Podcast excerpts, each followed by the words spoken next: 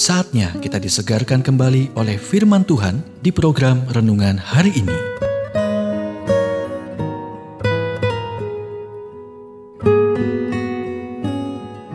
Renungan hari ini berjudul Atasi masalah Anda yang belum terselesaikan. Nats Alkitab, Imamat 21 ayat 18. Setiap orang yang bercacat badannya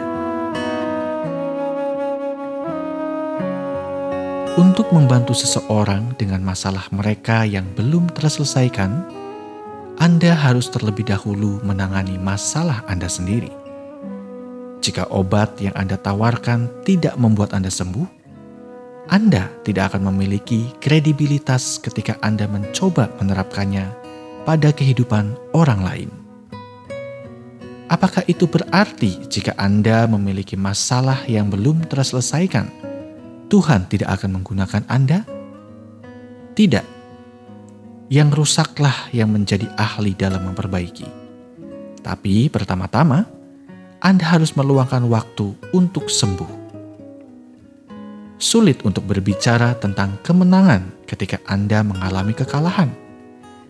Ketika Anda mengalami pendarahan secara rohani dan emosional, Anda tidak dapat memperlakukan masalah orang lain dengan keyakinan penuh yang sama seperti yang Anda miliki jika Anda telah mengatasi masalah tersebut.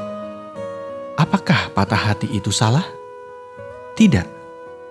Demi Tuhan, Ia menyembuhkan orang-orang yang patah hati dan membalut luka-luka mereka. Mazmur 147 ayat 3 Jadi biarkan Tuhan membuat Anda utuh sehingga dia dapat menggunakan Anda.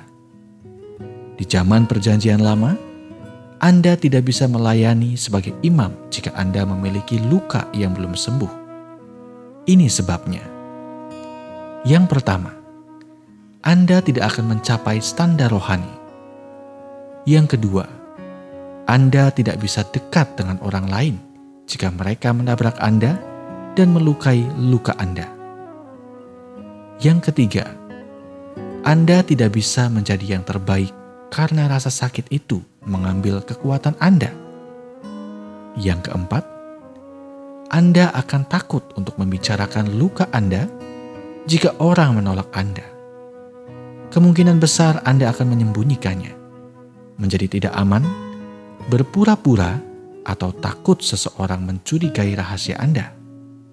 Yang kelima, yang terburuk, anda akan sangat sibuk bekerja untuk Tuhan dan mengurus orang lain, Anda tidak akan punya waktu untuk berhenti dan mengurus diri sendiri.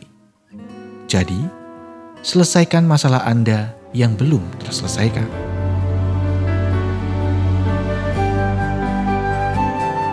Kita telah mendengarkan renungan hari ini. Kiranya renungan hari ini terus mengarahkan kita mendekat kepada Sang Juru Selamat, serta menjadikan kita bertumbuh dan berakar di dalam Kristus. Renungan hari ini tersedia dalam bentuk buku maupun digital dan bisa Anda miliki dengan menghubungi Japri di WhatsApp 0812 8784 7210 atau email ke infoapripusat@gmail.com. Tuhan memberkati.